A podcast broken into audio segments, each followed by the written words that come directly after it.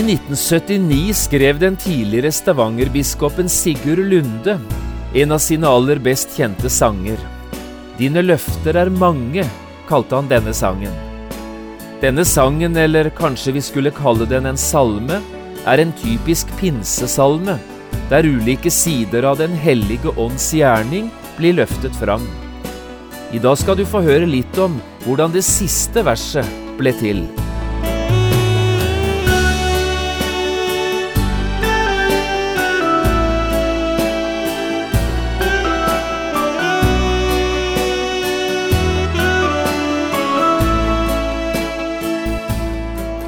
Hjertelig velkommen til et nytt program i serien Vindu mot livet. Programmet er produsert av Kristen Riksradio og blir ledet av Jon Hardang.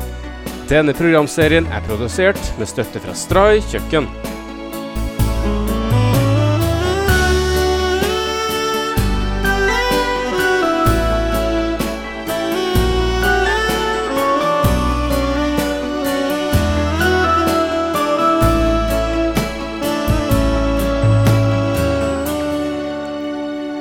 Vi er i dag kommet fram til det niende programmet i denne bibelundervisningsserien som jeg har kalt Den hellige ånd og vi. Det har i stor grad handlet om Den hellige ånd, både hans person og ikke minst Den hellige ånds gjerning. Og vi har vel nærmest lagt opp disse programmene slik at det er blitt som en gjennomgang av Efeserbrevet i Bibelen. I forrige program snakket vi nokså mye om åndens frukter, ut fra Efeserbrevet 4, 1–6. I dag skal vi gå ett skritt videre og lese det avsnittet som kommer like etter, nemlig Efeserbrevet 4, vers 7–16. Vi skal lese dette, og jeg har kalt dagens program Åndens gaver. Men til hver enkelt av oss ble nåden gitt etter det mål som Kristi gave tilmåles med. Derfor sier Skriften, Han for opp i det høye og bortførte fanger, han gav menneskene gaver. Men dette Han for opp, hva er det uten at han først steg ned til jordens lavere deler? Han som steg ned, er den samme som for opp over alle himler for å fylle alt.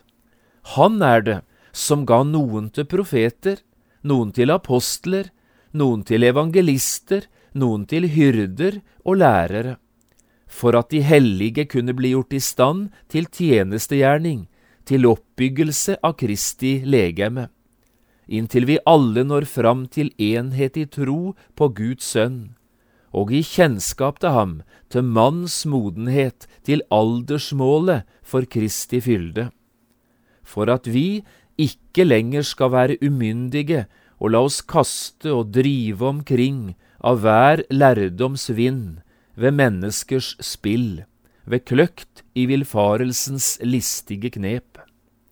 Sannheten tro i kjærlighet skal vi i alle måter vokse opp til ham, som er hodet, Kristus. Ved ham blir hele legemet sammenføyd og holdt sammen med hvert støttende bånd, alt etter den virksomhet som er tilmålt hver enkelt del. Og slik vokser det sin vekst som legeme til oppbyggelse i kjærlighet.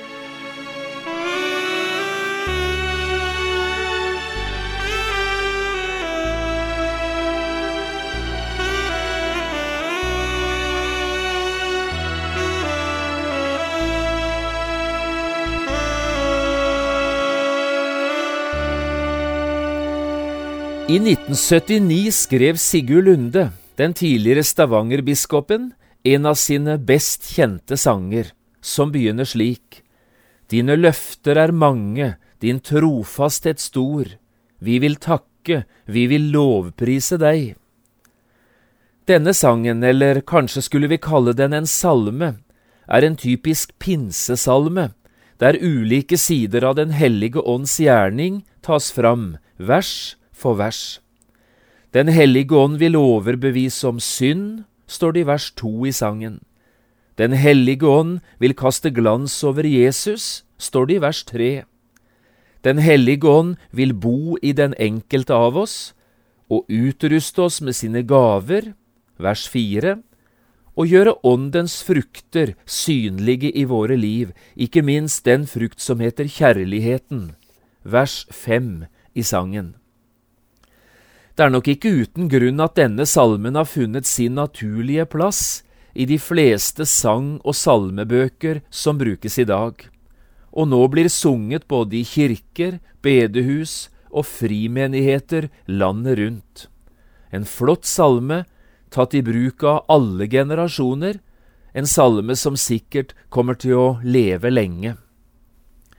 Salmen ble altså skrevet i 1979 til et av de såkalte Hellig ånd-seminarene i Oslo, altså de arrangementene som var blant de viktigste forløpere til det vi i dag kaller oasebevegelsen i Norge, en bevegelse som vokste fram på 80-tallet. 30 år etter at denne salmen ble skrevet, tirsdag den 1. september i 2009, hadde jeg en samtale med Einar Lunde på telefon. Han er jo mangeårig programleder i Dagsrevyen i NRK Fjernsynet. Og bakgrunnen for denne samtalen var følgende. Jeg var på leit etter opplysninger både om sangen Jeg er frelst og For en nåde, men dermed også om Einar Lundes far, biskop Sigurd Lunde, som skrev denne sangen da han var bare 16 år gammel. I samtalen jeg fikk med Einar Lunde, ga han meg den informasjonen jeg var på leiting etter. Men før vi la på røret denne torsdagskvelden, spurte han om jeg kjente sangen Dine løfter er mange, og om jeg visste hvordan det siste verset i denne sangen var blitt til. Da måtte jeg svare som sant var, at sangen, jo, den kjenner jeg, men bakgrunnen for det femte, for det siste verset, det hadde jeg ingen peiling på. Og det var da Einar Lunde fortalte følgende. Det var i 1978 eller 79. Far var på reise inne i Ryfylke. Det naturlige fremkomstmiddelet i dette området er enten bilferge eller hurtigbåt. Om far var på vei innover i Ryfylke, eller om han var på vei tilbake til Stavanger, det husker jeg ikke. Men båten gikk i alle fall forbi en av de mange øyene inne i Ryfylkefjorden. Og der, på en av øyene, oppe i fjellsida, lå det ett enkelt hus og klorte seg fast i fjellet. Tenk at folk kan ha bosatt seg her, tenkte far. Hva kan de ha tenkt på som bygde huset sitt av alle steder i verden på et sted som dette? Ja, de har sikkert hatt en mening med det, tenkte far. Og der og da fikk han plutselig inspirasjonen til å skrive det siste verset av den sangen jeg begynte å fortelle om i starten av dagens program, sangen som skulle bli hans store og kjente pinsesalme, Dine løfter er mange, din trofasthet stor. Her i det femte, altså i det siste verset, skriver han det nemlig slik. Lær oss elske hverandre og se hva det er du har ment med at vi bor der vi bor. Hjelp oss vitne om Jesus, for fjern og for nær. La ditt ord nå ut til hele vår jord. Og det er vel akkurat slik det er, også med oss, avsluttet Einar Lunde. Det er nok en mening med at vi bor der vi bor. Så langt Einar Lunde og det han fortalte om sin far, og om bakgrunnen for det siste verset i sangen Dine løfter er mange. Men dette sangverset, eller salmeverset, det kan også danne den naturlige bakgrunnen for det vi nå er i gang med å snakke om i dag nemlig Åndens gaver. Når vi bor der vi bor, ja, så er det fordi Gud vil ha oss der, og fordi Han trenger oss akkurat der. Vi skal få tjene hverandre i den kraft og med den utrustning Gud selv har gitt oss, der vi bor, altså i Den hellige ånds kraft og med Den hellige ånds gaver. Dette skriver Sigurd Lundom i det fjerde verset i sangen vi allerede har nevnt. Her lyder det slik, Dine gaver er mange, din nåde er rik. Herre, velg for oss de gaver du vil. Hjelp oss bruke dem rett og forvalte dem slik at det merkes vi er tent av din ild. Når Sigurd Lunde sier det på denne måten, er han helt på linje med det Paulus skriver om i Efeserbrevet 4, nemlig i vers 7. Hør på dette. Men til hver enkelt av oss ble nåden gitt etter det mål som Kristi gave tilmåles med. Paulus skriver altså om Åndens gaver, eller om nådegavene, som vi vel oftest kaller dette. Og han sier at når det gjelder disse gavene, så utdeler Gud til hver enkelt ettersom han selv vil. Ikke to av oss blir behandlet likt. Det er en totalt og gjennomført forskjellsbehandling fra Guds side. Er det én i tilværelsen som altså kan gjøre forskjell på folk, ja, så er det Gud. I vers 1–6, altså det vi snakket om i forrige program, her har Paulus skrevet om åndens frukter. Der er det helt motsatt. Gud ønsker å se alle åndens frukter i alle kristnes liv. Kjærlighet, glede, fred, langmodighet, mildhet, godhet osv. Guds hjerteønske var at hver enkelt kristen skulle bære åndens frukter, alle sammen. Men med åndens gaver er det altså ikke på denne måten. Her i vers 11 skriver Paulus, Han er det som ga noen til apostler, noen til profeter, noen til evangelister, noen til hyrder og noen til lærere. Og det Paulus her nevner, det er bare noen av forkynnelsens gaver. I tillegg til dem finnes det en rekke andre gaver, og alltid utdeler Gud av sine gaver til hver enkelt av oss ettersom han selv vil. Noen får den ene gaven, noen får den andre. Og la oss nå med bakgrunn i det vi nå har sagt, stille noen konkrete spørsmål omkring dette med nådegavene. For det første, hva er egentlig en nådegave? Ja, skulle jeg forsøke å gi et presist svar på det, nærmest en slags definisjon, ja, så vil jeg si det slik, selv om dette kanskje kan høres litt teoretisk ut. En nådegave er en evne eller en funksjon som den enkelte kristne har fått, slik at han kan tjene Gud i det kristne fellesskapet. En nådegave handler dermed altså om utrustning til tjeneste, og det handler om en åndelig utrustning til denne tjenesten. Noen skal tjene Gud og det kristne fellesskapet med sine ord, altså med forkynnelsens, med formidlingens gaver. Andre skal tjene Gud og det kristne fellesskapet med sine gjerninger, altså med langt mer praktisk rettede funksjoner, uten dermed å si at de første er mer åndelige enn de siste. Kanskje kan vi si det slik, noen skal tjene Gud med munnen, andre skal tjene Gud med hånden. For det andre, hvor i Bibelen leser vi om nådegavene? Ja, svaret på det spørsmålet skulle ikke være vanskelig å gi.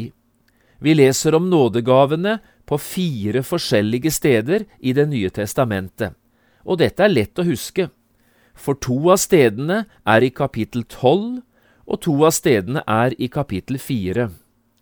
Tre av stedene er det Paulus som har gitt oss, og det fjerde stedet er gitt av Peter. Først skriver Paulus om nådegavene i Romerbrevet 12, og så skriver han det samme i første Korinterbrev 12, og her fortsetter han også i kapittel 14. Endelig gir Paulus oss en ny framstilling av dette i Efeserbrevet 4, og det er jo nettopp det avsnittet vi har lest i dag.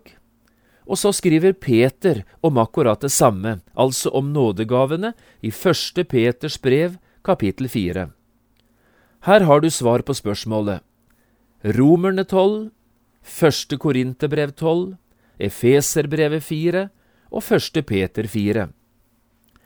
Skulle vi ta med enda et sted, så måtte det være Jesu lignelse i Matteus 25, lignelsen om talentene.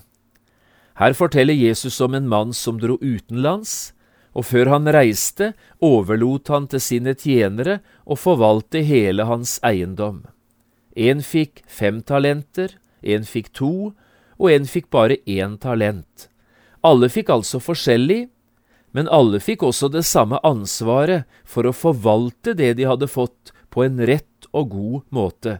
Det gjaldt enten de hadde fått mye eller lite. Hele denne historien kan også med letthet anvendes på Bibelens lære om nådegavene. Vi har fått forskjellige talenter, som vi ofte sier. Og så det tredje. Hvor mange nådegaver finnes det egentlig? Ja, det er et godt spørsmål, men det er også et spørsmål jeg tror det er umulig å svare nøyaktig på. Og grunnen til det er ganske enkelt, for ikke noe sted i Bibelen finnes det en komplett liste over antall nådegaver, eller en liste der alle de ulike nådegavene er nevnt. Et sted i Bibelen nevnes noen gaver, et annet sted i Bibelen tas helt andre gaver fram. Ja, det finnes også nådegaver som ikke er nevnt konkret i Bibelen i det hele tatt. I alle fall tror jeg det.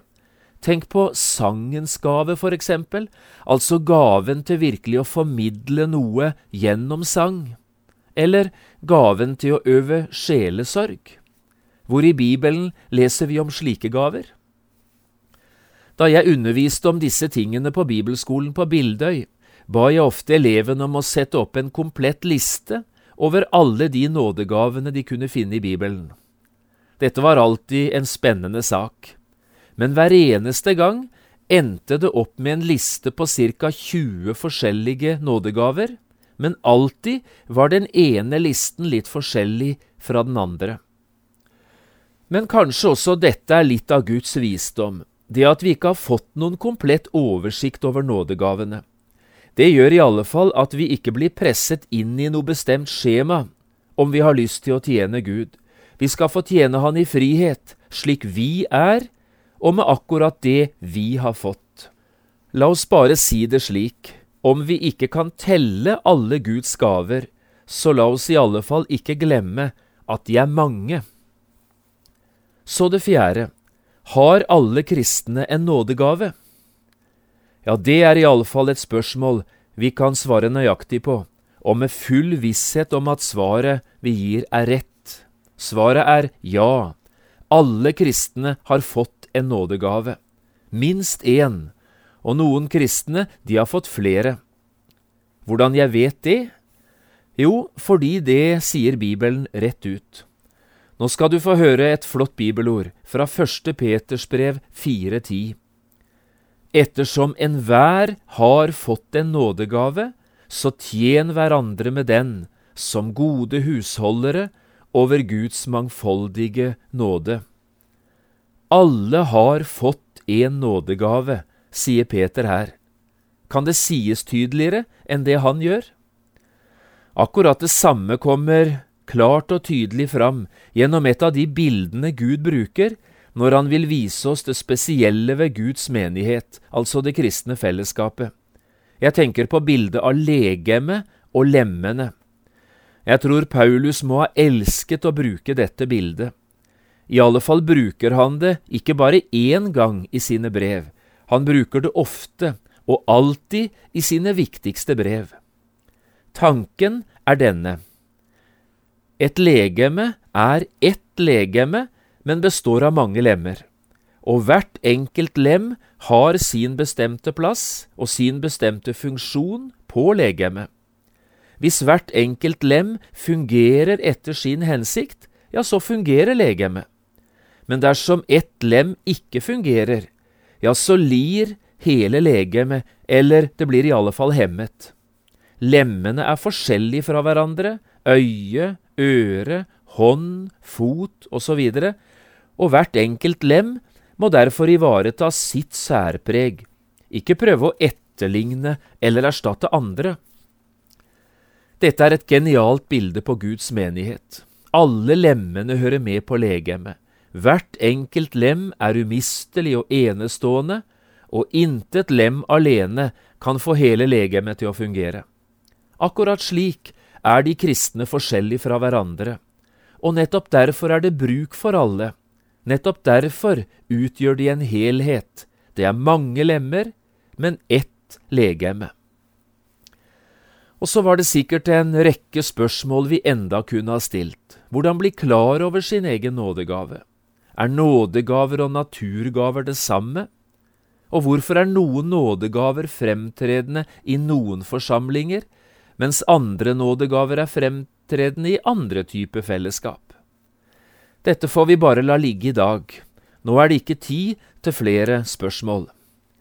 I stedet skal vi prøve å avslutte slik, med å spørre, hvorfor har Gud gitt oss alle disse åndens gaver? Hva var hensikten med dem? Hva var målet? Nettopp det skriver Paulus litt om i slutten av det avsnittet vi har foran oss i dag. Nå vil jeg gjerne at du skal høre vers 12–16 enda en gang. Paulus skriver, For at de hellige skal kunne bli gjort i stand til tjenestegjerning, til oppbyggelse av Kristi legeme, inntil vi alle når fram til enhet i tro på Guds sønn, og i kjennskap til ham, til manns modenhet, til aldersmålet for Kristi fylde, for at vi ikke lenger skal være umyndige, og la oss kaste og drive omkring av hver lærdoms vind ved menneskenes spill, ved kløkt i villfarelsens listige knep. Sannheten tro i kjærlighet skal vi i alle måter vokse opp til Ham som er hodet, Kristus. Ved ham blir hele legemet sammenføyd og holdt sammen med hvert støttende bånd, alt etter den virksomhet som er tilmålt hver enkelt del. Og slik vokser det sin vekst som legeme til sin oppbyggelse i kjærlighet. Slik avslutter Paulus altså dette avsnittet. Mange ord, ikke like lett å få tak i sammenhengen hele veien, men vi summerer det slik. Åndens gaver har tre store mål, sier Paulus her. 1. De kristne skulle vokse til manns modenhet, altså bli åndelig modne kristne. 2. De kristne skulle få åndelig motstandskraft, til hjelp i en tid som på mange måter er forvirrende og vanskelig. Og tre, De kristne skulle leve og virke, Gud til ære og det kristne fellesskapet til både glede og oppbyggelse. Derfor måtte Åndens gaver få rikelig plass og gode vekstvilkår, også i de fellesskap du og jeg beveger oss i.